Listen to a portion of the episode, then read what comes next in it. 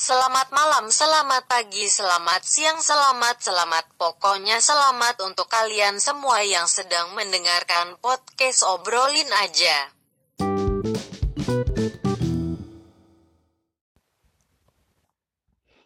Assalamualaikum warahmatullahi wabarakatuh. Bagaimana kabar semuanya? Sehat ya tentunya. Dan harapan kita semua juga tentunya agar corona ini segera berakhir.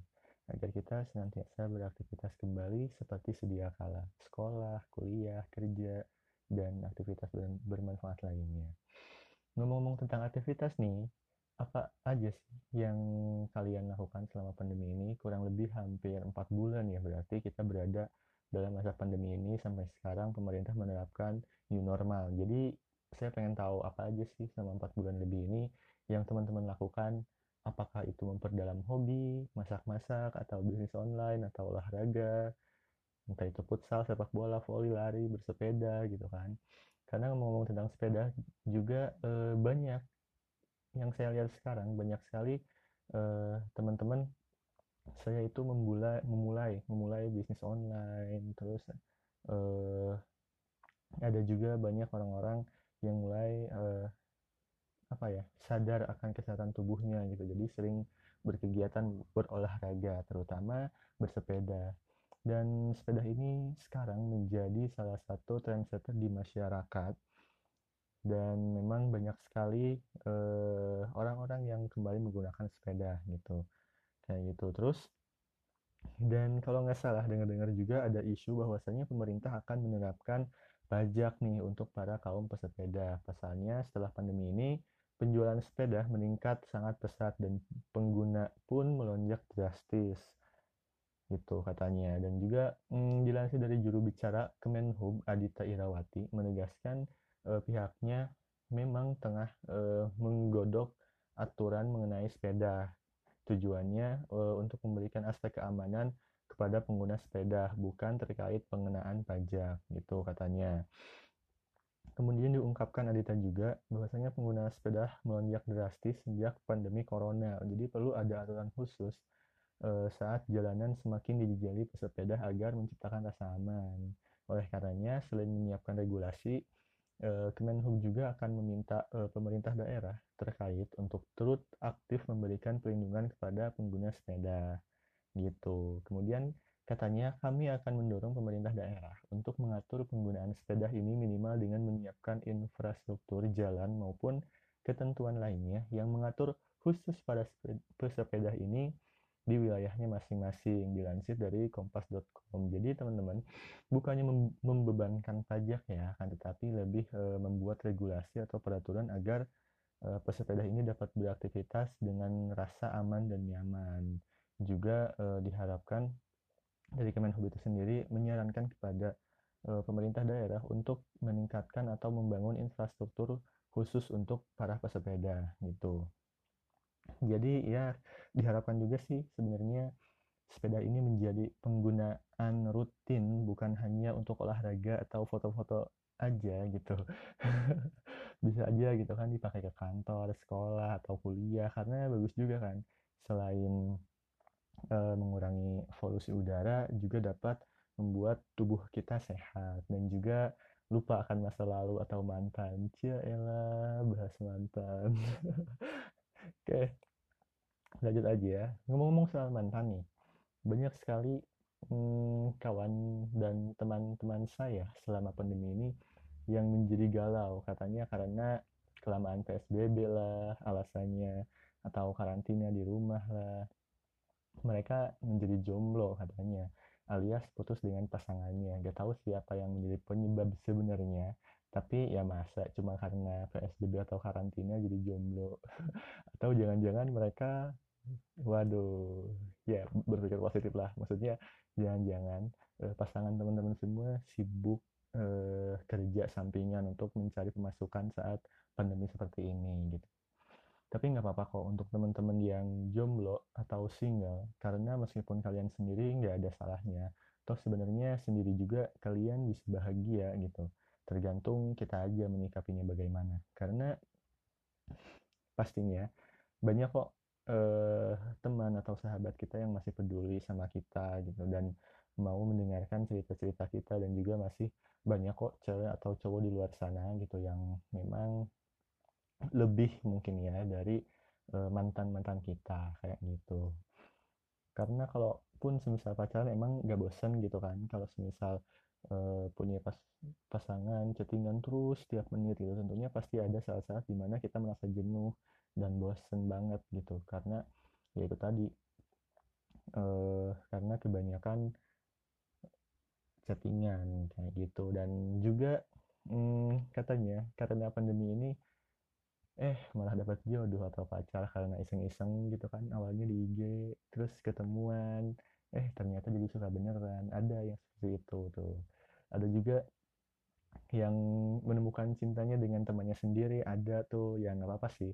Itu bagus. Jadi kalian udah tau lah baik buruknya eh, pasangan kayak gimana kalau teman sendiri. Kan karena uh, sebaik-baiknya pasangan adalah teman sendiri. Toh nanti kalau berjodoh pun hmm, dan menikah misalkan ya akan menjadi seperti teman dalam hidup kalian itu teman sepanjang hidup itu namanya kayak gitu. Kemudian hmm, ada juga yang nggak nemu-nemu jodoh atau pacarnya nih. Jadi kalian termasuk tipe yang mana nih? Yang pertama kedua atau ketiga? Tapi uh, tenang aja jangan sedih ya untuk teman-teman yang belum nemu-nemu jodohnya atau pacarnya. Karena mungkin Tuhan sudah mempersiapkan uh, jauh yang lebih baik dan indah di masa depan nanti. Jadi sekarang tugas kita hanya mempersiapkan diri dan memperbaiki diri agar kita um, pantas untuk apa yang akan Tuhan berikan nanti. Waduh so bijak banget kan? Jadi um, untuk teman-teman yang galau-galau nih tenang aja e, terluka itu pasti karena memang seperti itu yang namanya jatuh cinta itu harus siap untuk terluka. Kan dari namanya aja itu udah ada jatuh yang namanya jatuh kan pasti sakit. Jadi ketika kita jatuh cinta nanti e, kita harus menyiapkan hati untuk dua kondisi yaitu bahagia dan terluka gitu kalau susah melupakan luka atau meredakannya mungkin bisa lah nonton film, jalan-jalan ke tempat yang sudah dibuka tentunya atau mendengarkan lagu yang hmm, dapat membuat kalian semangat lagi gitu. Kayak lagu latih tuh misalnya dari uh, eh, WG yang kemarin sempat viral gitu kan. Terus ada juga Blackpink tuh yang sekarang lagi rame-ramenya yang How You Like That yang sekarang ya sedang booming-boomingnya lah gitu kan. Uh, karena nih uh, ada sedikit berita dari Blackpink juga bahwasanya dalam kurun waktu beberapa hari aja kurang lebih seminggu beberapa menit udah mencapai 200 juta lebih view-nya di YouTube. Dan itu mengalahkan rekor uh, pemegang rekor sebelumnya yaitu Taylor Swift itu yang mencapai 200 juta itu seminggu lebih beberapa jam kalau tidak salah. Jadi buat teman-teman yang belum tahu Blackpink nih uh, begini ya saya kasih tahu.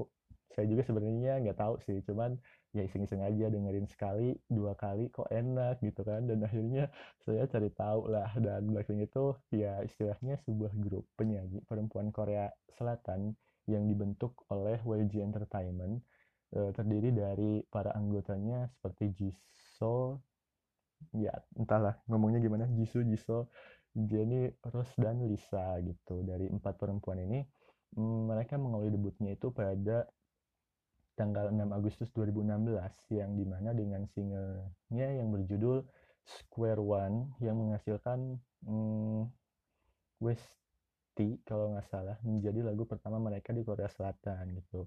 Selain itu juga eh, ada loh beberapa single mereka yang menjadikan nomor satu pertama mereka di tanggal lagu Billboard World Digital Songs yaitu berjudul Bumbaya kayak gitu. Dan Blackpink juga ternyata merupakan artis K-pop perempuan yang terkenal dengan lagunya yang menjadi posisi tertinggi di Billboard Hot 100 kayak gitu.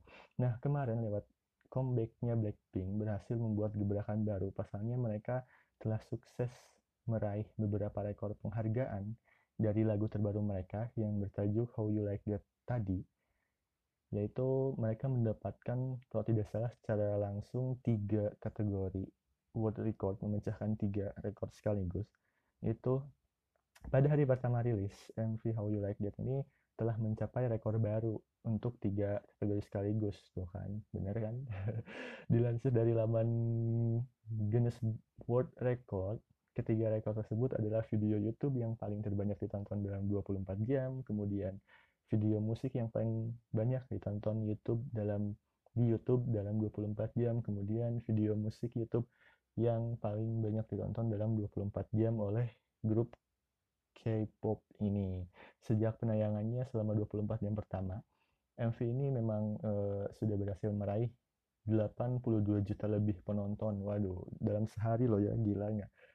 Kemudian uh, dalam MV-nya pun mereka menggunakan kostum yang unik-unik gitu. Jadi enak untuk dilihatnya. Mereka menggunakan ya ada apa ya? Ya istilahnya kombinasi antara kimono Jepang dan juga uh, modernnya gitu sehingga uh, bagus untuk dilihatnya dan juga Blackpink ini menjadi girl girl group Korea pertama yang berhasil tampil di acara Tonight Show with Jimmy Fallon tidak aneh ya karena ya memang member-membernya pun mempunyai bakat yang luar biasa gitu dan visualisasinya pun sangat bagus. Maksudnya visualisasi itu uh, looknya sangat bagus mereka gitu. Apalagi uh, ada tuh saya suka beberapa membernya mungkin Jisoo tuh menurut saya itu apa ya ya suaranya enak lah. Istilahnya suaranya khas jadi beda dari yang lain ketika kita merem pun dengar dia ini kita udah tahu itu suara dia gitu karena berkarakter suaranya. Kayak gitu dan juga uh, Rose itu terutama ya itu visualisasinya paling keren sih. Jadi dia emang pantas juga sih dia uh, menjadi brand ambassador Saint Laurent kalau nggak salah. Karena ya memang looknya pun memang sangat beautiful ya gila nggak? Oke waduh jadi ngomongin K-pop nih. Iya mungkin sedikit aja itu informasi untuk teman-teman. Selama uh, pandemi ini sebenarnya nggak ada yang bermanfaat sih. Kalaupun ada ya silakan diambil. Kalau enggak ya nggak apa-apa. Karena ini seru-seruan aja.